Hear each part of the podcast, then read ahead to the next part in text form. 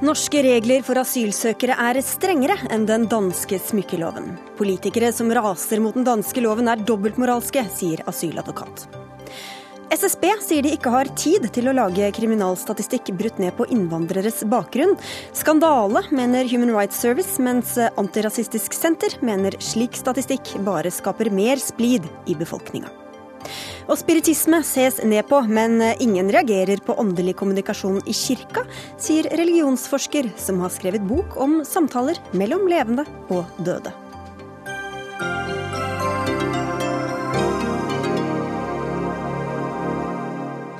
Jeg heter Sigrid Solund, og dette er Dagsnytt 18 på NRK P2 og NRK2, hvor vi også skal snakke om framtida. Fordømmelsen av den såkalte smykkeloven i Danmark har vært omfattende det siste døgnet. Kofi Annan er bekymra for om loven bryter med menneskerettighetene, og her hjemme lurer Audun Lysbakken på hva Frp skal finne på for å trumfe loven. Men det kan hende Lysbakken ikke trenger se lenger enn gjeldende regelverk for norske asylsøkere her i landet eller asylsøker her i landet. For på papiret er Norge mye strengere enn Danmark. Mens den danske loven sier at eh, hver asylsøker kan beholde verdier for inntil 10 000 kroner, står det i et rundskriv fra UDI at asylsøkere med mer enn 5000 kroner i formue eller eiendeler skal miste ytelser. Cecilie Schatvedt, du er asyladvokat hos eh, advokatfirmaet Hestenes og Dramer. Og hvilket av disse regelverkene syns du er strengest? Altså, uten tvil, Hvis du bare ser på beløpsgrensen, så er jo det norske regelverket strengere. Eh, men så er det en forskjell i forhold til det som nå er vedtatt i Danmark. ved at eh, Da går man inn på registreringsfasen, og så beslaglegger man eh, alt over da 10 000. Mens i Norge så inntrer jo dette her som et sånn fratrekk fra ytelser man kan få når man kommer over i mottaksfasen. Hvordan, hva skjer da når de kommer dit? Eh, hvis man da har rapportert mer enn 5000 eh, kroner, så eh, vil man ikke få den daglige støtten før man har nådd det beløpet. Ja, Så du, skal, du får ingenting før du har brukt opp dine egne penger ja. eller verdier. Ja. Og, det, og, dette skal også gjelde ut fra rundskrivet verdier som kan realiseres, altså selges og fås penger for. Ja, men viktige presiseringer i forhold til at det gjøres unntak for barn. Uh, altså man tar, tar bredt, uh, bredt skjønn. Mm. Og affeksjonssykehus, ja. som også ja. slipper unna i Danmark. Ja. Da. Eh, men, men utfallet, er det så å si det samme, eller hvordan praktiseres dette? Uh, ja, altså Hvis du ser på uh, altså hva som er formålet her, så kan man jo undres litt over om uh, hva som er poenget med, de, med, disse reglene. Fordi jeg kan ikke huske å ha lest en registreringsrapport fra Politiets utlendingsenhet hvor det er noen altså der, Man går jo gjennom da bagasjen her i Norge, som i alle andre land, og at det er funnet sedler av noe størrelse over 200-300 kroner som, som, asylsøkerne da har med seg. Mm. Og jeg vil tro at det samme er i Danmark. Altså, sjansen for at dette skal bli et praktisk problem, eh, altså det skal oppstå eh, en situasjon der hvor man eh, beslaglegger, eh, det er jo vanskelig for å se. Mm. Like fullt har du skapt veldig mye bruduljer, denne loven i Danmark. Eh, og dere er blant dem som har uttalt dere mot den, eh, Dagrun Eriksen. Du er nestleder i Kristelig Folkeparti. Hvordan syns du nå at det norske regelverket virker i forhold til det danske, da? Jeg synes jo Det er jo veldig bra at dette rundskrivet er oppdaga, for jeg tror ikke det er så veldig mange i det politiske miljøet som har sett dette rundskrivet. Og det er klart at Når vi nå ligger på halvparten av den beløpsgrensa som Danmark har, så er det forskjell på om du konfiskerer og beslaglegger. Så det tenker jeg alle forstår. Og Jeg hører ikke noen i den norske debatten som tar til orde for det. Men det er jo et tankekors at det var de rød-grønne som innførte dette rundskrivet. Og vi må huske at den, de ytelsene disse får for Man kan tenke ja, men hvis du har penger, hvorfor skal du ikke da betale sjøl? Vi må tenke at de ytelsene disse får for å klare seg på norske mottak, har jo allerede vært diskutert om den er romslig nok. Og det er jo ingen som spør, sånn som når jeg prøvde å lese disse rundskrivene for livet før jeg kom hit i dag. Og de, bare legge til at for Du visste ikke om dette før vi snakket sammen før for en time siden? Sammen for en time siden. Det er jo da man oppdaga dette rundskrivet. Og det som er jo interessant, det virker ikke som man noen gang spør om gjeld. Og er det noe vi vet om at alle disse menneskene som har prøvd å bevege seg, at de også står i en ganske stor gjeld i det de står i. Så dette handler jo også noe om totalsituasjonen, om vi gir mennesker i det hele tatt en mulighet til å klare seg. Så jeg har tatt en runde med min sjef nå og hørt hva gjør vi med dette rundskrivet som da de rød-grønne innførte, men som selvfølgelig dagens regjering står ansvarlig for. Du står ansvarlig for alle rundskriv som er ute. Vi kommer til å ta dette opp. At det å ha en beløpsgrense på 5000 til mennesker som ikke får helsehjelp, og som får et minimum å klare seg på hver dag til mat, klær og, og ytelser som du trenger. Vi kan komme tilbake til det, fordi, men det er mange som har uttalt seg her. altså Statsminister Erna Solberg har sagt at den danske loven ikke er aktuell norsk politikk. Du kan være rik og forfulgt ifølge flyktningkonvensjonen. Utenriksminister Børge Brende har sagt at det er uaktuelt for Norge å konfiskere verdisaker fra asylsøkerne. Arbeiderpartileder Jonas Gahr Støre har sagt at han ikke ønsker en lov tilsvarende den i Danmark. Det er ingen fra Arbeiderpartiet eller Høyre som ville stille stille i denne saken. Venstre har ikke svart, og SV kunne heller ikke stille. Schatvedt, eh, hva syns du om de ordene som kommer fra norske politikere som da fordømmer den danske loven? Ja, eh, det har jo et snev av dobbeltmoral. Fordi, eh, som Dagrun Eriksen her sier, så vi har jo et lignende system eh, her hjemme. Med mindre de legger all vekt i sine uttalelser på dette beslagaspektet av den danske loven. Men i effekt så ligner de jo veldig. Og, når man ser på beløpsgrensen igjen, så er jo det norske strengere. Fordi din partikollega Geir Toskedal sier også til nrk.no at han mener den danske loven har et snev av smålighet over seg. Eh, nå er jo du den eneste som stiller opp her, da, så det er litt urettferdig å, gyve løs på dere. Men hvorfor uttaler dere dere om en sak når dere ikke har sjekka grundig hvordan dette faktisk er i Norge? Det er nok sånn at det finnes ganske mange rundskriv eh, som er sendt ut fra 2000, dette er fra 2008. Jo, Men praksisen er jo også sånn, den, den, følges jo? Ja, praksisen er sånn at den følges. Og det er jo det vi har fått avdekka i løpet av da. Så sier jo alle så galt at, det, at ikke det er godt for noen når du får en sånn dansk smykkelov. Men jeg tror jo at vi må gå i oss sjøl hele det politiske miljøet. fordi at det, dette, Hvis vi løfter oss over detaljene på konfiskering eller ikke konfiskering, så handler det jo om hvilken start gir vi mennesker som har flykta i nød, sitter i gjeld, kommet til vår grense, søkt vårt, vår trygghet, vår menneskeverd, og hva, hvordan klarer vi å gjøre det på en god måte? Og så har alle blitt opprørt over det. Jeg skjønner det, at folk reagerer på at ikke vi Hvorfor sjekker ikke politikerne hvordan det er i Norge før de uttaler seg så strengt om Jeg vil jo si at Særlig de som sitter i regjeringsansvar, burde visst hvordan praksis eh, faktisk skjer ute.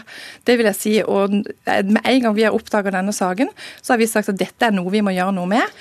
Vi, og jeg tenker at det er sunt noen ganger eh, å få gått igjennom hvordan de mest sårbare eh, blir. Det er jo nettopp sånn vi politikere ofte finner ut hvordan ting og effekten av det som er skjedd og regelverk skjer. Det er i møte med mennesker som opplever det, eller at dere i media klarer å avdekke det. Og Da handler det jo om vi som samfunn faktisk klarer å ta effekten av det og behandle med verdighet. Og Det ansvaret kan jeg love at vi i KrF vil ta i den møtet vi har med de Så, du vil endre dagens regelverk i Norge? Jeg vil endre dagens regelverk her i Norge. For jeg mener at for det første syns jeg summen er for lav. 5000 syns jeg er for lavt. Eh, og for det andre, så selv om de ikke beslaglegger, så så vidt jeg kan lese, så har de allikevel ikke forbud mot å beslaglegge. Så vi må gå gjennom dette regelverket. Og jeg kommer til å ta Erna, Berge, Børge Brende, Sylvi Listhaug, eh, Jonas Gahr Støre på alvor. Eh, og Audun Lysbakken, vi må jo si at han også sa det i regjering når dette her rundskrivet kom. Og at dette må vi få en mer verdighet på enn det vi har. Skjøtvet, det som har vært eh, mange som har, det mange har dratt opp, er jo dette med gifteringer, affeksjonssmykker osv. Og, så og det er jo unntatt både i Danmark og i Norge. Men i de norske reglene så er det også uh, tilgang til å frata smykker, andre typer smykker, klær altså, osv. Uh, fra, fra asylsøkere som kommer til Norge. Ja, Veldig vanskelig, og det var vel også noen andre som påpekte i dag, altså veldig vanskelig å praktisere Det er veldig vag, eh, vag ordbruk i det rundskrivet, som er fra 2008. Yes. eh, og eh, hva ligger i affeksjonsverdi? Altså En iPhone eller en smartphone går jo veldig raskt over 5000, og jeg tror de aller fleste nordmenn vil si at det har en affeksjonsverdi for dem. Og ikke minst så er det noe man trenger i hverdagen. Men i teorien, altså, hvis man ser annerledes på det, hvis man ser på det på en litt sånn mer gammeldags måte, da, med gifteringer i, i, den leia, så vil jo de ikke ha en, raskt ikke ha en affeksjonsverdi. Så dagens regelverk åpner for en mye strengere praksis enn det som faktisk eh, følges i Norge også? Ja, det er veldig uklart. Det er veldig uklart hva, hva, som menes. Men nå tror jeg ikke de beslaglegger smarttelefoner. Det, det, gjør de jo ikke. Eh, men selvfølgelig så kunne man jo få en plutselig kursendring, og da står de der, da, de som da får unngjelde. Men eh, er, er dette regelverket noe som er kjent for både dere asyladvokater og også asylsøkere som kommer til Norge? Ja, det er kjent, særlig for oss som har tillitsverv i Advokatforeningen, som jobber med høringsforslag. Da, da setter vi oss inn i liksom, et bredt sett av, av, regler, også det som ikke er forskrifter og lover. Men så vil jeg også si at det er sjelden vi jobber med det i praksis, og det har igjen med å gjøre med at dette er jo ikke noe som kommer opp. fordi asylsøkerne har ikke de pengene der. Mm. Hvis de har penger, så har de det et annet sted. Mm. Så, så det, er et, det er et litt kanskje ikke så gjennomtenkt altså, regelverk heller. Hva er formålet med det? Og, og, og da kommer jeg da ofte tilbake til da, hva, hva er poenget her? Er det en symboleffekt? Mm. Eh, hva er det som er formålet med dette egentlig? Mm. Hvordan har da de siste dagenes debatt fortont seg for dere? Eh, altså man kan tenke at eh, Danmark har to tanker i hodet med det, det, forslaget. Det ene er å forsøke å få færre asylsøkere til Danmark. Eh, det tror jeg ikke har noe rot i, i virkeligheten. For, nettopp fordi asylsøkere ikke legger pengene i koffertene sine, eller de sørger for at noen andre tar vare på smykkene eh, sine. Eh, og, da, og, det andre de kan ha i hodet, er at det er til innvortes bruk. Altså det er et symbolsk markeringsbehov innad for egne velgere. Og, da, eh, og det er det aspektet som jeg kan forstå da, at mm. politikere her i Norge reagerer på. For sånn har det jo ikke vært, eh, særlig under Arbeiderpartiet på regjeringen. De har jo ikke hatt det behovet for markering, opplever vi som har jobbet med det lovverket. Nå sier du Dagrun Eriksen, at du skal ta det opp med alle du kjenner nærmest i det politiske liv, men da vil du jo møte argumentet, da. Hvorfor skal norske skattepenger gå til å gi lommepenger til asylsøkere som har egne verdier? Det er jo da vi må se på hva er formålet. Dette er mennesker som enten skal de sendes ut igjen eh, i den aller fattigste nød. Og hvis vi da på veien har strippa de for alle midler, så gir vi de en enda dårligere start ute. Eller de skal bli i Norge. Og da å gi de en mulighet til fotfeste i eget land, og en et visst snev av verdighet, det tror jeg. Og så må vi huske, for nå tror jeg mange tenker at de får jo fri kost og losji, og de får alle Nei, de må betale for alt som ikke er nødvendig helsehjelp. De får et minimum å betale for mat og, og penger. De, ja, de får tak over hodet, men det skulle kanskje blott mangle når vi vet den kulda som finnes i vårt land. Da får vi se da, hva slags svar du får hos uh, dine venner og partnere. Takk skal dere ha, i hvert fall begge to. Dagrun Eriksen fra Kristelig Folkeparti og Cecilie Schatvedt fra advokatfirmaet Hestenes og Drammer.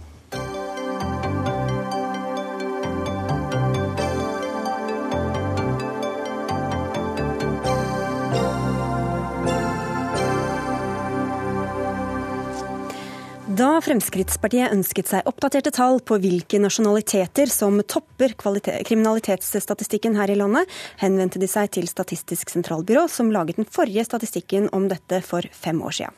Den viste at innvandrere med bakgrunn fra Iran, Irak, Afghanistan og Somalia utmerket seg negativt. Men nå vil ikke SSB lage en sånn statistikk, så vi i Dagsrevyen i går.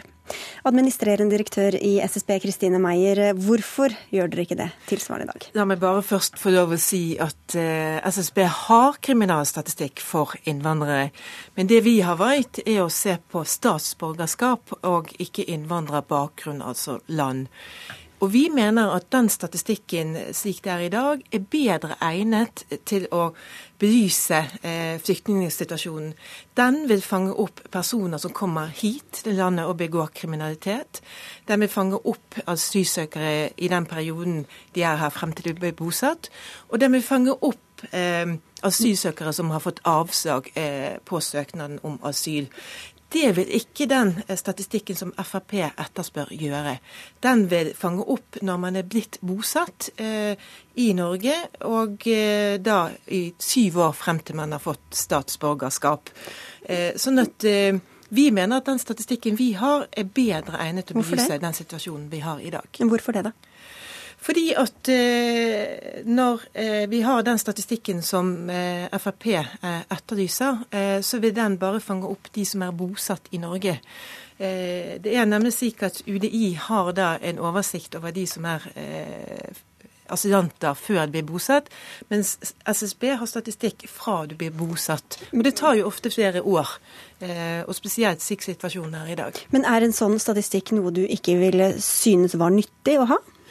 Nei, Alle statistikker vil jo være nyttig. Eh, denne statistikken som Frp etterspør, vil jo først og fremst belyse bakgrunn, hvilket land de kommer fra, også etter eh, de har blitt innvilget et statsborgerskap.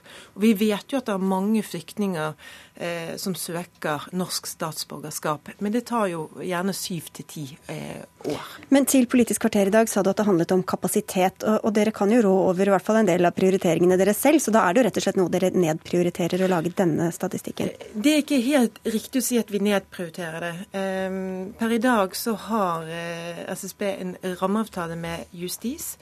Innenfor den avtalen så avtaler vi uh, Justisdepartementet? Ja, Justisdepartementet avtaler vi hva vi skal gjøre fra år til år. Eh, slik at i år eh, så er det vold i eh, nære relasjoner eh, og vold mot barn. Eh, I tillegg til de som er blitt utsatt for vold, som har vært det eh, Justisdepartementet har ønsket at SSB arbeider med.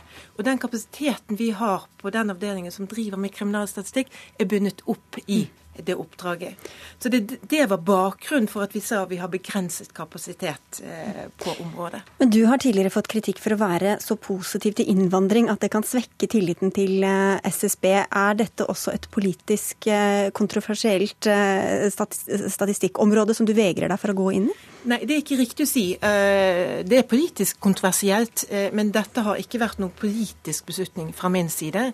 Ehm, det avslaget som ble gitt, eh, ble gitt eh, på et mye lavere nivå i, i, SSB. Og det er klart at nå når det foreligger et brev fra parlamentarisk leder i Frp, så vil jeg eh, som øverste leder gjøre en ny vurdering.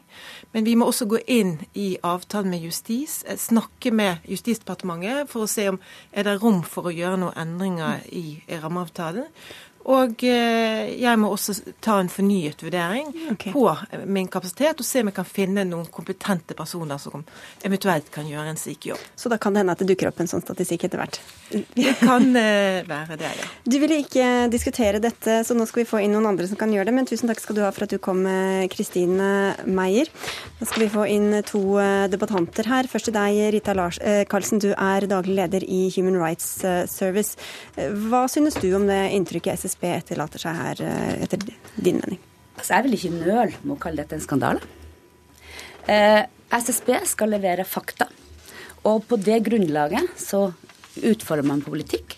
Og på, den, på det faktagrunnlaget så foregår den offentlige samtalen. Men nå hørte du jo begrunnelsen. altså Det er en annen type statistikk eh, med noe tilsvarende som foreligger. Hvorfor er det ene så mye bedre enn det andre? Da kan vi si det sånn at Hvis SSB mener at de sitter på bedre statistikk enn det som bestilleren ønsker, så må jo den dialogen tas i bestillerkompetansen. Hvis SSB sitter på en betydelig bestillerkompetanse. Og da skal jo de gå i dialog med den som bestiller, og si det. At vi, vi skal levere kvalitative, gode data, og vi skal eh, sørge for at målsettinga eh, som bestilleren ønsker, kommer frem.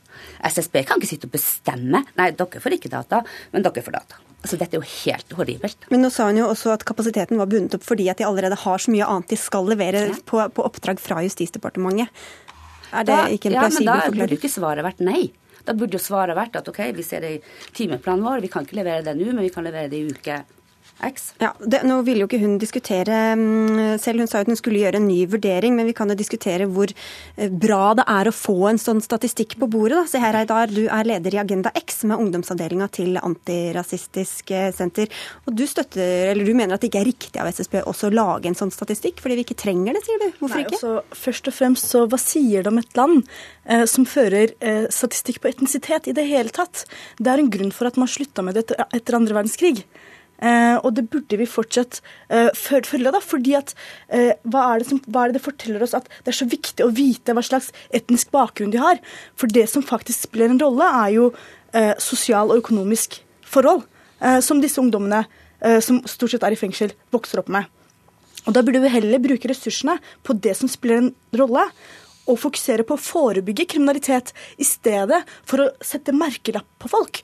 Fordi jeg lurer oppriktig på det. Hva slags merkelapp er det jeg skal få? Altså, Hvordan skal du vurdere min etnisitet? Jeg har norsk statsborgerskap, jeg har norsk statsborgerskap, og jeg er norsk per definisjon. Hva slags merkelapp skal jeg få av Frp eller de som fører den statistikken? Derfor er det veldig viktig at vi heller ser på det som spiller en rolle.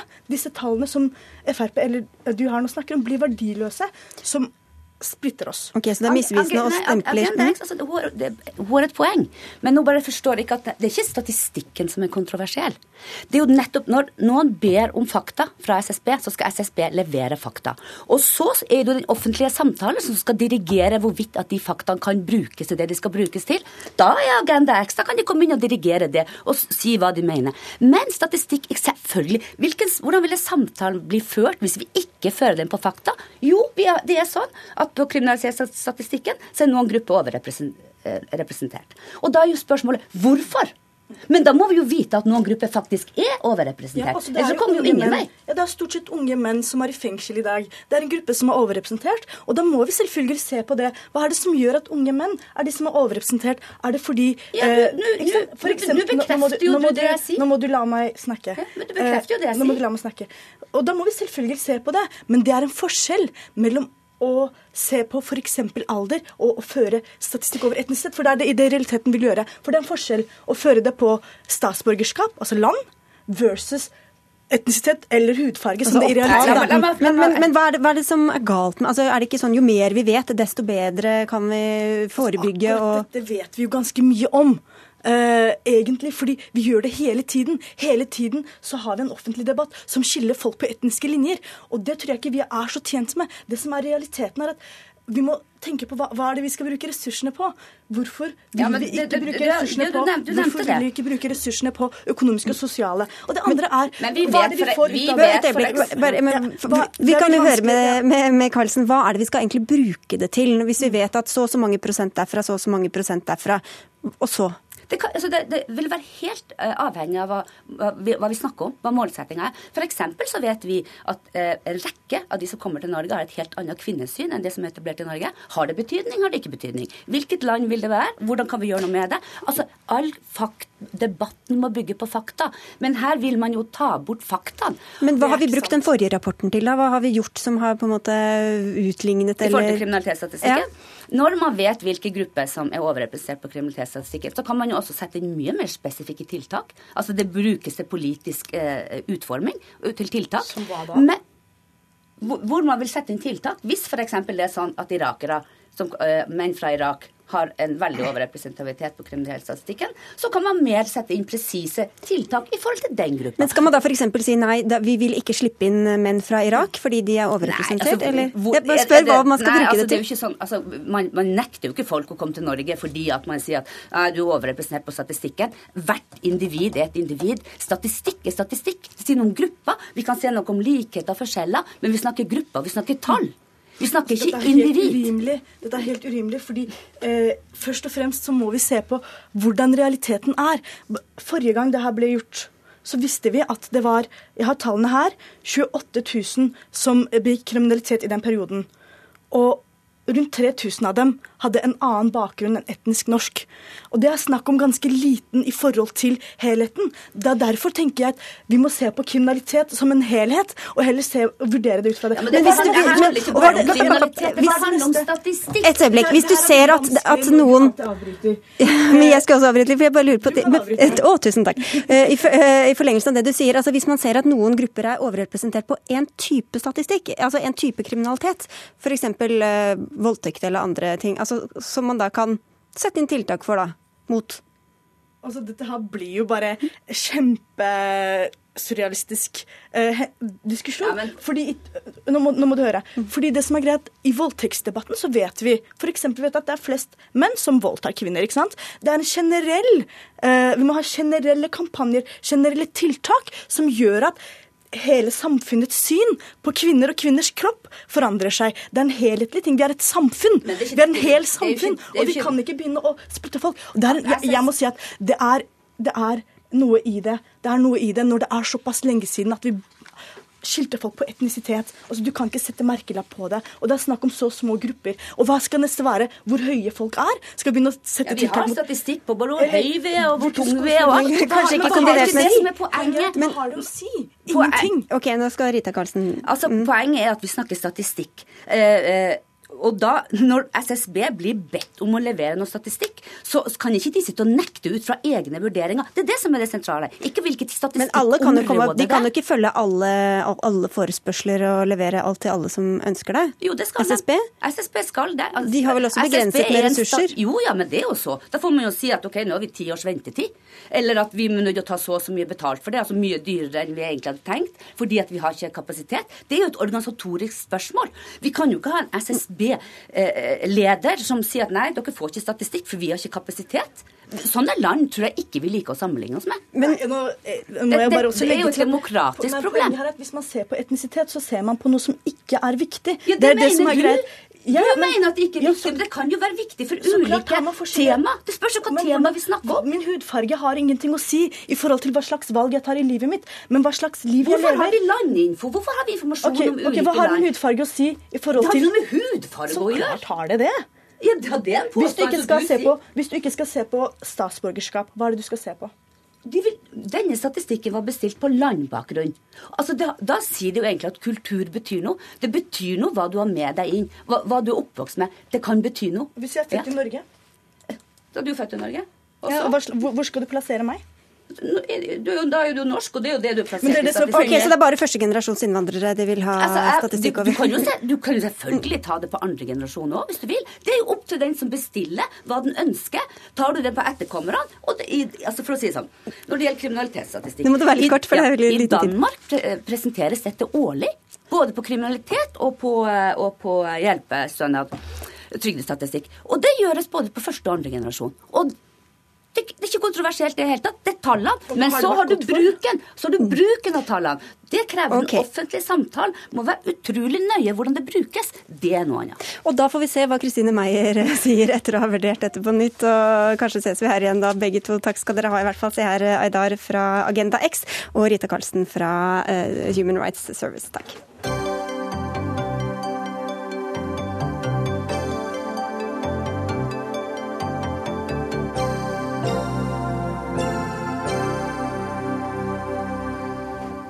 Brasil har slått alarm om Zika-viruset etter at rundt 4000 barn er født med mikrocefali siden oktober i fjor. Dette er en nevrologisk lidelse som kan føre til underutvikling av hjernen. Barna er blitt smittet i fosterlivet fordi mødrene er blitt stukket av smittefarlig mygg, og det finnes verken vaksiner eller kur mot Zika-viruset per i dag. Arnt Stefansen, du er i Nova Iguazo, rett nord for Rio de Janeiro. Hvor hardt er brasilianerne rammet? Brasil er det landet som er hardest rammet uten sammenligning. Det er faktisk flere hundre tusen mennesker som, har, eh, som er blitt smittet av Zika-viruset. Og Det er også her man har sett dette store antallet av eh, tilfeller av eh, nitrokefali, som du nevnte, som, som jo er en, en, en uhyggelig sykdom. Eh, barn fødes altså med et veldig lite hode og med, med hjerneskader, og, og mange dør eh, i løpet av de første ukene eller månedene.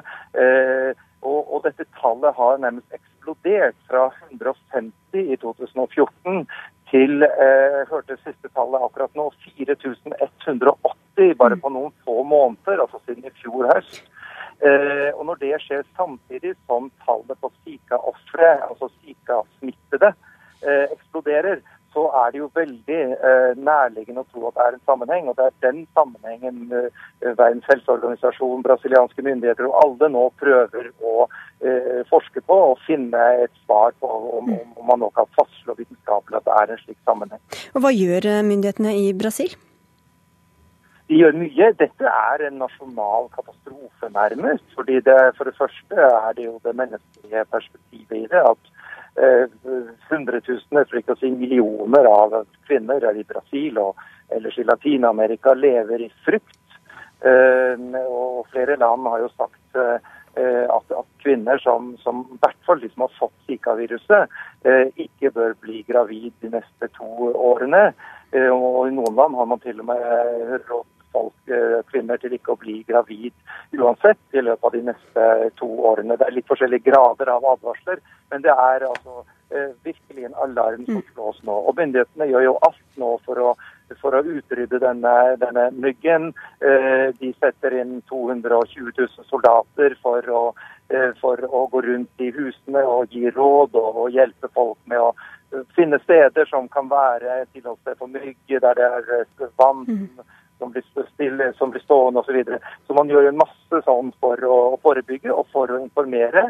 Og man er jo veldig bekymret når det gjelder karnevalet, som skal være om en uke med hundretusener av besøkende. Og ikke minst for de olympiske leker som skal være til høsten. Takk skal du ha, Arnt Stefansen. Ehm, Gunnar Hasle, du er lege og spesialist i infeksjonssykdommer og eier av Reiseklinikken. Hva kan du si om denne myggen og dette viruset? Ja, først denne myggen da, som heter Aedes aegypti. Det er en mygg som forekommer i bystrøk. Den kan klekkes på, i veldig små vannreservoarer, f.eks. en blomstervase eller en skål som har stått ute i regnet, en henslengt blikkboks, et bildekk. Eh, og det ville være helt umulig å liksom spreie landskapet for å få bort alle disse her, men man kan jo prøve i, i nær hus å, fjerne klekningssteder så mye som mulig. Eh, når det gjelder dette viruset, så har det vært kjent helt siden 1947 hos aper, og det var vel i 1968 det første gang ble påvist hos mennesker. Men eh, man har ikke regnet det som så veldig farlig. Da. Det gir litt eh, allmennsymptomer, leddsmerter, feber, utslett. Eh, men så er det dette som har skjedd nå, at det, som han sa, at det faller sammen. Man har jo ikke helt sikkert vist det, men det, noe, det tyder jo nå veldig på at det er en sammenheng. og Man har også påvist Zika-virus i mange av disse barnene som har mikrocefali. Mm. Så, så, mitt råd da, som reisemedisiner, eh, da tenker jeg hva ville jeg gjort om jeg hadde en gravid kone eller en gravid datter? Så er det helt klart at jeg vil si dra ikke til områder med utbrudd av mm. Zika-virus. Det er jo lett for oss i Norge, men det er kanskje ikke så lett for de som bor der da, å, å kunne verge seg mot det hvis du er en gravid kvinne i Brasil? Nei, altså Hvis man er i eh, Brasil, så må man jo da beskytte seg mot myggstykk så godt man kan med dekkende klær, eh, myggrepellent eh, på, på huden, på eksponert hud. Har man airconditioning, så er det gjerne ikke noe mygg inne. Men, og denne myggen Aedes aegypti den stikker ikke bare om natten, sånn som malariamyggen gjør. Den stikker Eh, ja, på dagen, men særlig rundt solnedgang. Allerede fra fire-fem-tiden, eh, og også rundt soloppgang. Men særlig da på ettermiddagen. Så det er naturlig å sitte ute eh, i disse landene, og da er man utsatt. Du sa det var et, et virus som har vært kjent lenge. Hvorfor denne plutselige eksplosjonen av utbrudd nå? Ja, Det har vært kjent i Afrika og Asia og Oseania, men nå har det plutselig spredd seg i Amerika. Og det er vel det epidemiologene kaller virgin soil, altså jomfruelig mark. At et virus kommer til en befolkning eh, som ikke har noen immunitet, og derfor kan det spre seg. For denne myggen som overfører det, den har vært der hele tiden, og den mm. finnes i alle tropiske områder. Men dette er bare farlig for fosteret i eh, mors liv? Ja, man har ikke sett noen skade før. Så det er jo, mm. hvis det er denne sammenhengen, da, så er det jo da fosteret det er farlig for, og, og med veldig alvorlige skader. Mm.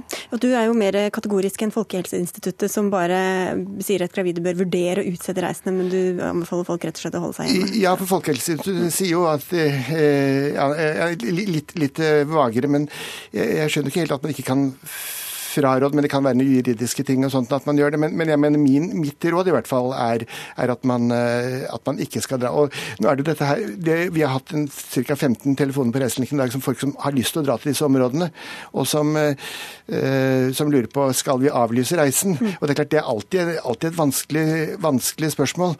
fordi at eh, man får ikke dekket av reiseforsikringen, i hvert fall ikke hvis man har sammensatt reisen selv, altså kjøpt seg en, en, på, på, en flybillett på internett og googlet på et hotellrom. Mm. Eh, noe annet er det hvis man har kjøpt en pakkereise, for da kommer det inn under pakkereiseloven og Reisegarantifondet.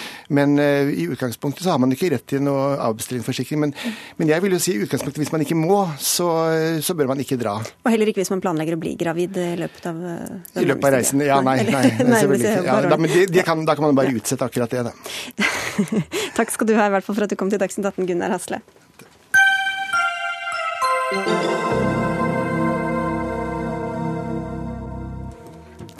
Fra å i mange år ha levd godt på oljen, må Norge nå omstille seg i møte med økende arbeidsledighet og en teknologisk utvikling i turbofart.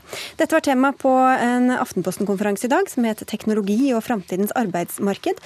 En av foredragsholderne var deg, Silvia Ceres. Du er president i Politeknisk forening og har bl.a. Eh, bakgrunn fra Microsoft og Alta Vista-teamet i Silicon Valley. Du kaller det vi er inne på i nå, den eh, fjerde industrielle revolusjon. Hva er det som kjennetegner den utviklinga vi ser nå? Um, for det første så syns jeg det er utrolig spennende at Aftenposten har kjørt denne konferansen og viser veldig bra samfunnsansvar fra deres side. For jeg tror at altså det, er, det, er, rett og slett en ny omstilling av måten vi produserer um, ting på, og hvordan måte, industrien vår fungerer. Der vi går fra veldig effektiv automatisert produksjon til uh, en, en, produksjon hvor uh, maskinene blir intelligente, menneskene og maskinene smelter sammen. Og det som jeg kjente, altså Den går enda fortere enn det vi har sett før. Det er en viss eksponentialitet i den digitale teknologien som ligger under, som gjør at uh, altså, endringene er utrolig brede og utrolig raske og skjer på alle samfunnsnivåer og i alle bransjer. Ja, Du sier det handler ikke bare om eh, næringslivet, men om alt som griper inn i livene våre, rett og slett. Det, det syns jeg er så spennende med de debattene som går for tiden, og derfor er denne Aftenposten-konferansen så bra. For uh, det, altså, disse her siloene mellom teknologi og gründerskap og forskning og næringslivet og samfunnet tror jeg eh, på en måte viskes ut. Fordi eh, det er utrolig mye gjensidig påvirkning. Mm. Vi, vi, ikke bare måtte jobbene våre vil endres. også Fokuset nå er fremtidig arbeidsliv. Men jeg tror at også um, utdanningen vår vil endre seg veldig. Måten um, helsetjenestene virker velferdstjenester eh, altså jeg, jeg, tror dette påvirker samfunnet på, på, alle lag. Hvor godt synes du at norske politikere og bedrifter har uh, tatt tak i den omstillinga som alle snakker om? Så jeg tror vi har snakket, altså Omstilling er kanskje et av de ordene som var brukt mest, sånn, eh, hvis du ser på sånn buzz-måler i, i, fjor. Men når du ser eh, hva som gjøres, så syns jeg det blir på en måte veldig fragmentert. Og dette er et tema hvor jeg føler at vi har ganske avventende politikk. Og dette er et område som mange føler at ok, dette er et eller annet vi parkerer hos teknologene og i IT-avdelingene i selskapene, og så får de ta seg av alt det der IT og digital. Men, men tingen er at fordi det endrer jobbene våre, ikke sant? Fordi det endrer hvordan vi oppfører oss mot hverandre. Rollene, bransjene, alt er i glidning. Så tenker jeg det er utrolig viktig politikk. Og man sier at teknologi er verken positiv eller negativ, men den er heller ikke nøytral. Mm -hmm. Og jeg tror at vi kan ikke gå som søvngjengere gjennom kjempe, denne kjempestore samfunnsendringen og på en måte våkne en dag og skjønne at nå, liksom, ops, nå er robotene her, og kunstig intelligens er her. og og multinasjonale selskaper har tatt over? Ja, ikke sant? Vi må, altså, jeg tror at det er veldig mye vondere å bli omstilt enn å omstille hvis vi gjør det på en intelligent måte, og, og litt sånn eh, med bevissthet på hva vi er gode på i Norge. Mm. Vi kan komme tilbake ja. til det. Du, du, har hatt en tilhører som også sitter her, Heidi Nordby Lunde. Du sitter i finanskomiteen for Høyre og har vært på denne konferansen og hørt på bl.a. Silvia Ceres. Mye snakk om omstilling og gründerskap og grønne skifte osv., men tar vi egentlig de grepene som trengs? Ja, Det er et godt spørsmål, for jeg er veldig enig i deler av kritikken. Har man gjort nok eh, og, og eh, tidlig nok? Og bare sånn et eksempel. I 2012 så ble det investert 200 milliarder kroner i petroleumsbasert næring mot 20 milliarder kroner i, på fastlandet. Og Det betyr at noen har sovet på, på jobben, og at man ikke har begynt å, å, å ta grep og, og, begynne med den omstillingen som vi alle egentlig visste ville komme. Så har den kommet litt raskere enn, enn vi trodde, og så har oljeprisen falt mer enn det vi trodde at den kom til å gjøre, og holdt seg lav lenge. Så det er mange elementer som sammen bidrar til at, at vi nå ser en helt annen situasjon enn det vi gjorde, gjorde, tidligere. Men hva skal vi Det blir jo fort litt sånn uh, høytsvevende og teoretisk det her, Seres. Hva er det egentlig som må til for å møte denne kunstige intelligensen, robotene tar over, nytt arbeidsliv, alt dette som du snakker om? Ja, altså For det første så tenker jeg at uh, det nytter ikke, ikke sant? Nå er det veldig fokus på delingsøkonomi. ikke sant? Og hvem eier det vi deler, og skattlegging og problematisering av det. Eh, vi må passe oss for det, for jeg tror dette er et mye bredere problem. ikke sant? Det er eller, Veldig mange bransjer går fra å være det de var, til å bli i informasjonsdelingsbransjen. Det er data som blir den nye råvaren som selges. Og problemet er at den store ressursen som du skal ha inn i dette her, det er ikke penger, men det er hoder. Og jeg tror det største problemet vi har, er at vi har ikke nok av de riktige hodene. Og så har vi også arbeidsliv, et arbeidsliv hvor uh,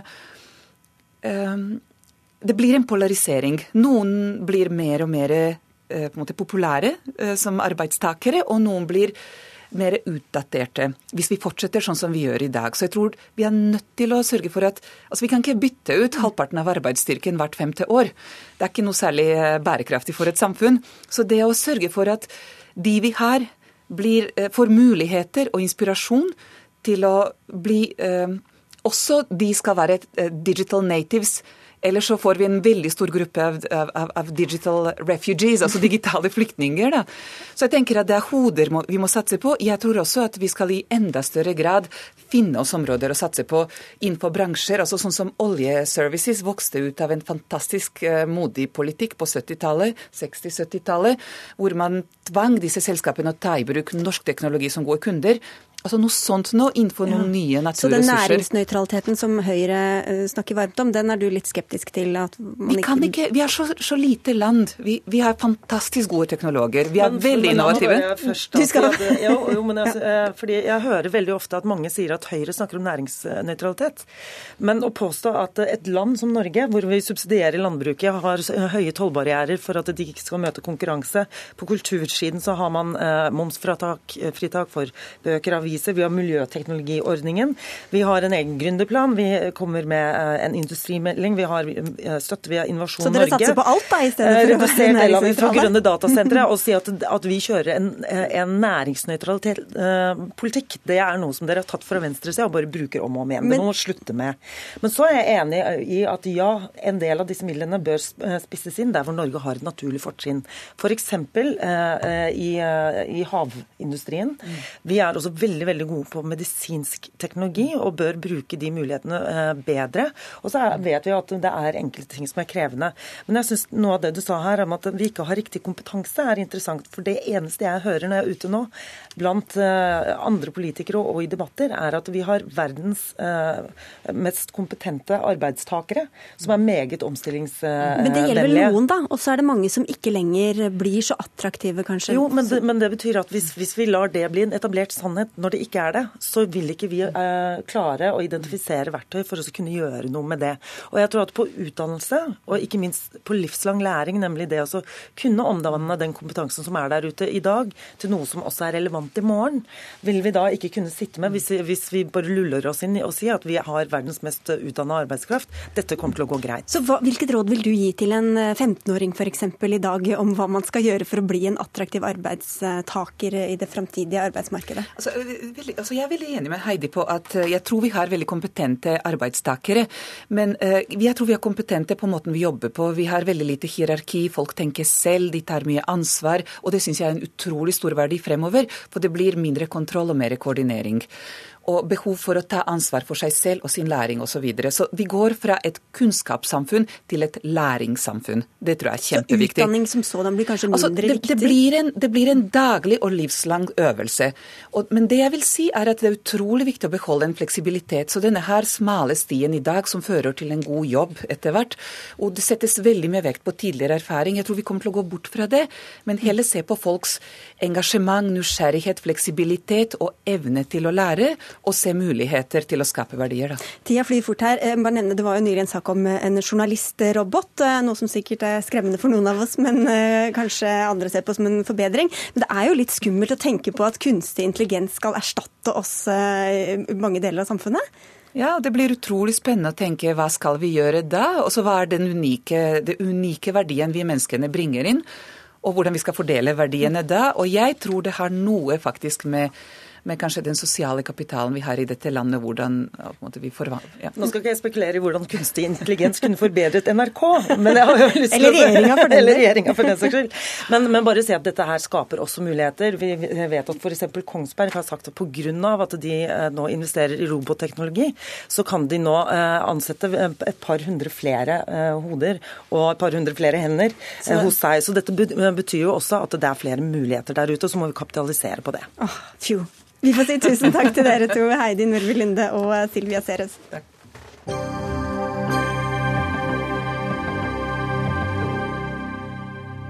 Vi leser om det i bøker og i annonser i avisene, og vi ser det i filmer og TV-serier. Men innen religionsfaget er fenomenet stemoderlig behandlet, ifølge vår neste gjest.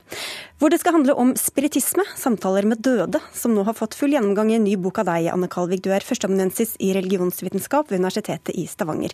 Først, hvorfor ville du dukke ned i dette materiet? Jo, det vil jeg gjøre fordi, eh, som du sier, det er utbredt i kulturen.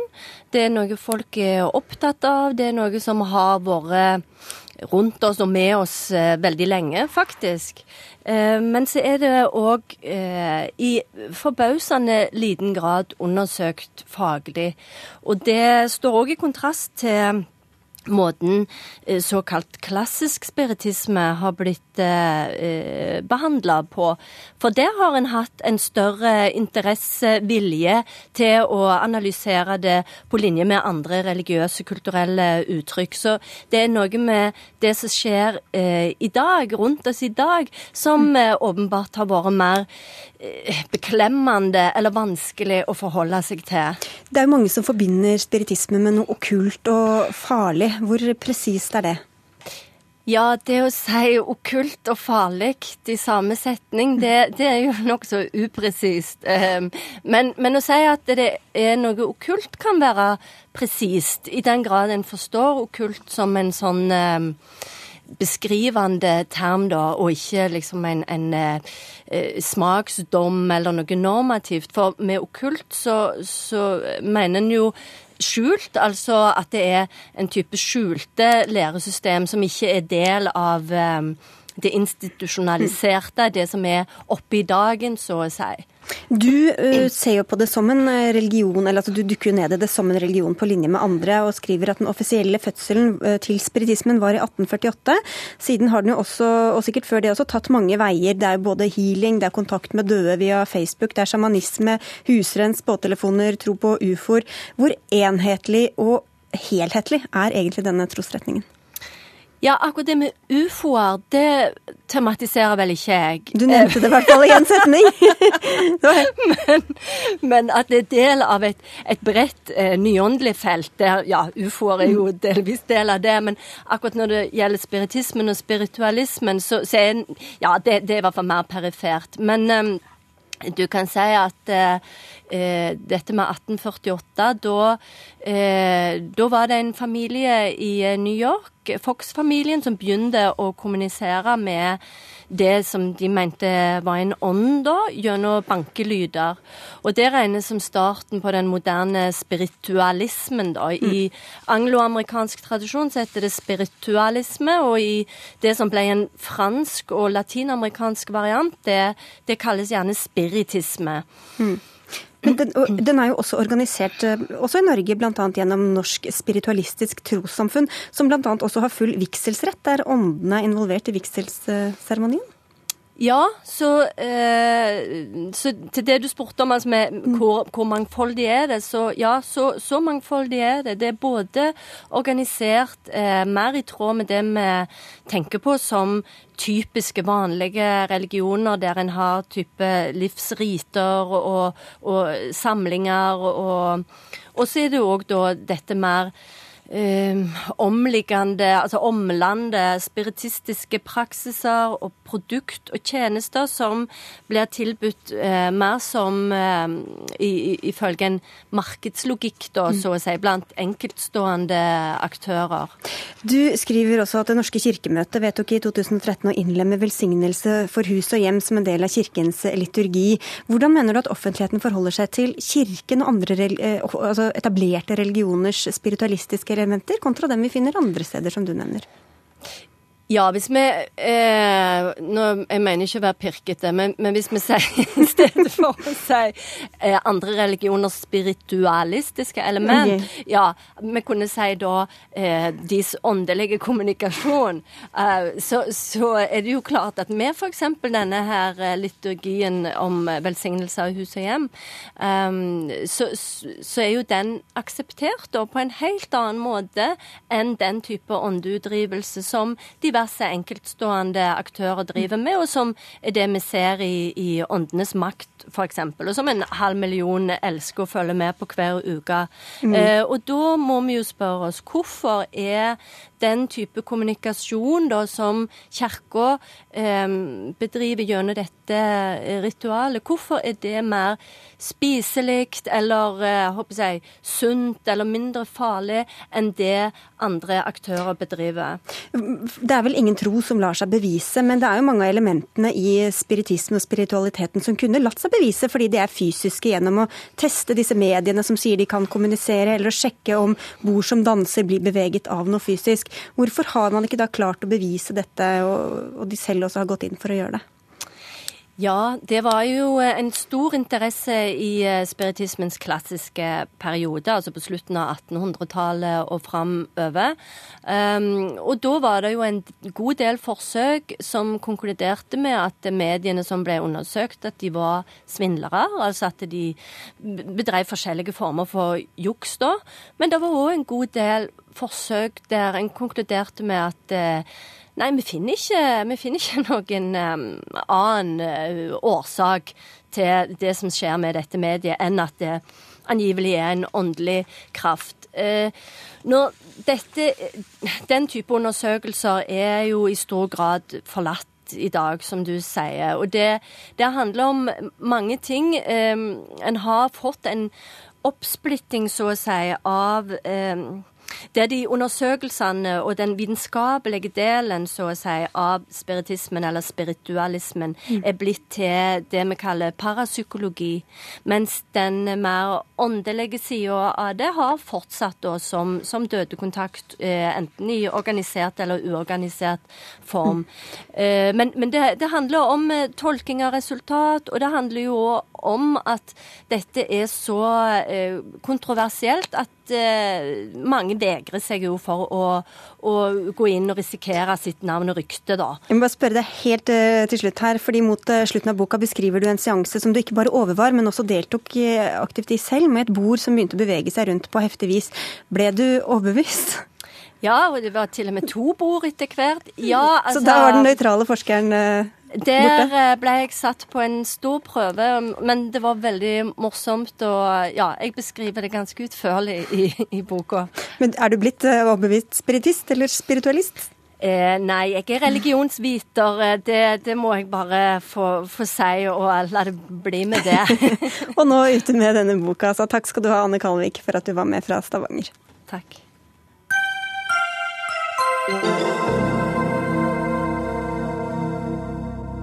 Og nå skal Dagsnytt 18 handle om hatefulle ytringer på sosiale medier og i kommentarfeltene på nettet. For Norsk redaktørforening vil ikke signere regjeringas politiske erklæring om å bekjempe denne typen uttalelser og kommentarer.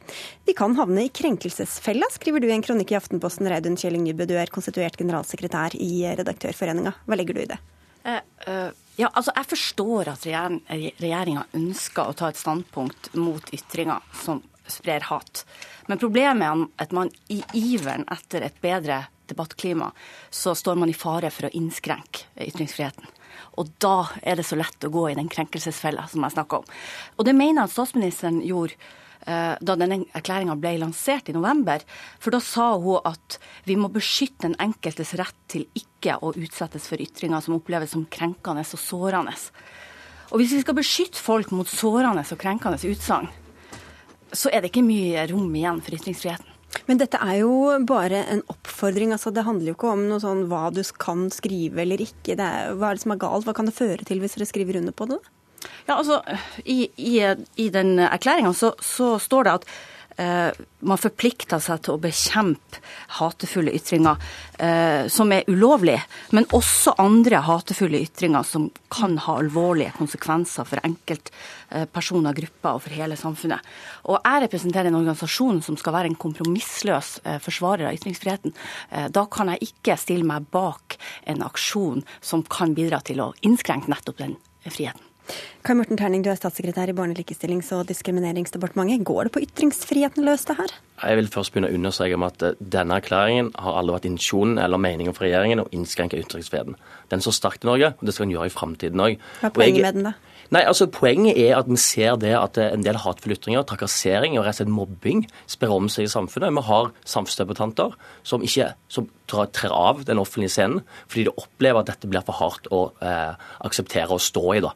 Og Det har jeg forståelse for, at noen ikke orker det. Og Da må vi også si at eh, vi må faktisk eh, si til de som er ute og debatterer, at det må gå an å kunne diskutere vanskelige tema uten å ty til trakassering, hat og til syvende og sist mobbing, som gjør at vi får en mye fattigere offentlig debatt. Og Jeg vil berømme egentlig Norsk redaktørforening og deres medlemmer, for de håndterer dette daglig.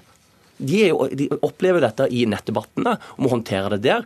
Mange journalister opplever mye hat fra, fra, fra publikum.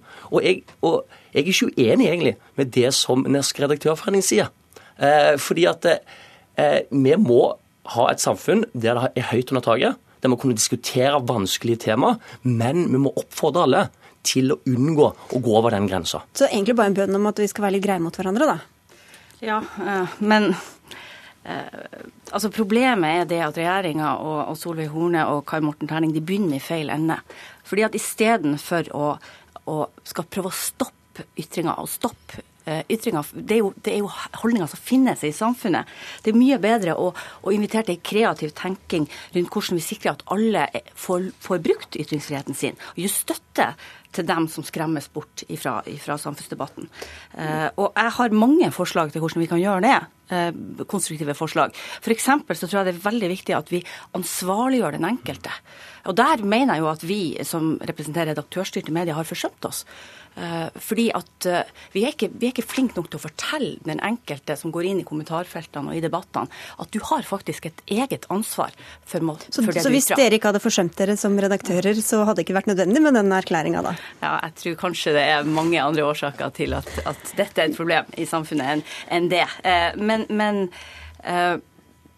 jeg tror at vi kan ansvarliggjøre den enkelte mye mye mer på Mm. at du faktisk har et ansvar. Eh, Det er ikke bare redaktøren som har et ansvar for hva du ytrer i et kommentarfelt. Men utover, altså Det er jo allerede forbudt. eh, ikke sant? Vi har straffelovens paragraf 185 som, eh, som også forbyr hatefulle ytringer som oppfordrer til handling, eller jeg husker ikke hva som er, eh, ligger der. Men, Jeg har det. Ja. Det, det regulerer trusler og hån og hat overfor mennesker pga. hudfarge og etnisitet, religion eller livssyn, seksuell Mm. orientering eller nedsatt funksjonsevne. Eh, Så det dekker jo opp veldig mye. Ja, for det er Mm. spørsmålet liksom, utover å vise at jo, vi er opptatt av dette, vi er, eh, vil beskytte alle Altså hva er egentlig poenget med denne erklæringa når vi har det i straffeloven? Vil sette det på dagsordenen. Ja, for det er noen ytringer som i dag er forbudt, som er hatefulle. Eh, og så er det også noen hatefulle ytringer som ikke er forbudt, og som ikke bør være forbudt heller. Men, men som vi som storsamfunn bør kunne si at her bør vi kunne faktisk bruke normal tone, en respektfull tone mot hverandre. Ikke dermed sagt at du skal sende politi eller domstolen på vedkommende, men må som, Så får ikke noen konsekvenser hvis man bryter denne erklæringa? Nei, altså det får ikke noen konsekvenser for den enkelte. For vi sier ikke at vi skal gjøre flere ytringer eller utvide dette lovverket. Men vi sier at vi som eh, myndigheter bør jobbe med dette. Forebygging. Kampen mot mobbing på skolen er veldig viktig. Den skal eh, fortsette. Det er en viktig del av dette arbeidet. her. Få mer kunnskap om hvor omfattende dette, er. Hvor, hvor, hvor, mye, hvor mange det går utover. Hvor mange stemmer mister for eksempel, i den offentlige debatten. Det er mange momenter som vi trenger mer kunnskap om. og er jeg er veldig glad for at Norsk redaktørforening er med på dette arbeidet. Jeg har ikke skrevet under erklæringen, men vi hadde innspillsmøte forrige uke. Da hadde vi fire hovedinnledere, og da var Nybø en av de. Og vi er veldig, jeg er i stor grad enig i det du sier. Og de, dine medlemmer opplever dette daglig. At de faktisk må inn og sensurere nettdebatt òg. Fordi at debattene Bruker ikke begrepet sensurere, vi bruker begrepet moderere, redigere. ja. Ja, Men, men, men hva, noen kaller det, det hva liksom ville vært følgende av det, da? Å skrive under på det er bare en intensjonserklæring. Nei, men, men vi kan ikke stille oss bak en erklæring som kan bidra til å redusere ytringsfriheten. Det blir helt, feil. Men du er enig i at hatefulle er et problem i norske samfunnet, og at vi går glipp av mange viktige stemmer? F.eks. en del innvandrerjenter som opplever både at de får problemer med sine, innvandrer- sine egne innvandrermiljø, men også angrep fra ytterste høyre. Mange av de trekker seg rett og slett tilbake igjen fordi de ikke orker dette. Og Da mister vi en, mange viktige stemmer i den norske debatten, som jeg er sikker på at du òg ønsker at dine medlemmer og de avisene skal ha stor glede av og skal delta i debattene. Ja, Men det rette er ikke å stoppe de ytringene. Eh, problemet da er at da forsvinner de ytringene. Ytringene er jo der, men de forsvinner i det lukka, lukka rom. Det vi kan gjøre, det er heller å gi støtte til de debattantene. og Sørge for at, de, at, at eh, de får nok støtte til at de, at de tør å ytre seg. Man skal ikke stoppe, de skal bare få beskjed om at Redaktørforeninga og Erna Solberg er Ja. eh, imot hva de skriver. Men vi skal ikke stoppe eh, ytringer. Men vi skal kunne si til lovlige ytringer som er hatefulle, at unnskyld meg, kan vi oppføre oss i denne debatten her? Kan vi bruke en respektfull tone? Så får vi fram momentene en vil ha fram på en mye bedre måte enn hvis en tyr til hatefulle ytringer, trakassering og da altså mobbing. Da må vi sette strek, fordi vi er rett og slett tomme for tid. Tusen takk skal dere ha begge to, eh, Kai Morten Terning og Reidun Kjelling eh, Nybø. Det var Ida Tune Øresland som hadde ansvaret for innholdet i denne sendinga. Den tekniske ansvarlige var Finn Lie. I studio satt Sigrid Solund, og vi ønsker god kveld videre.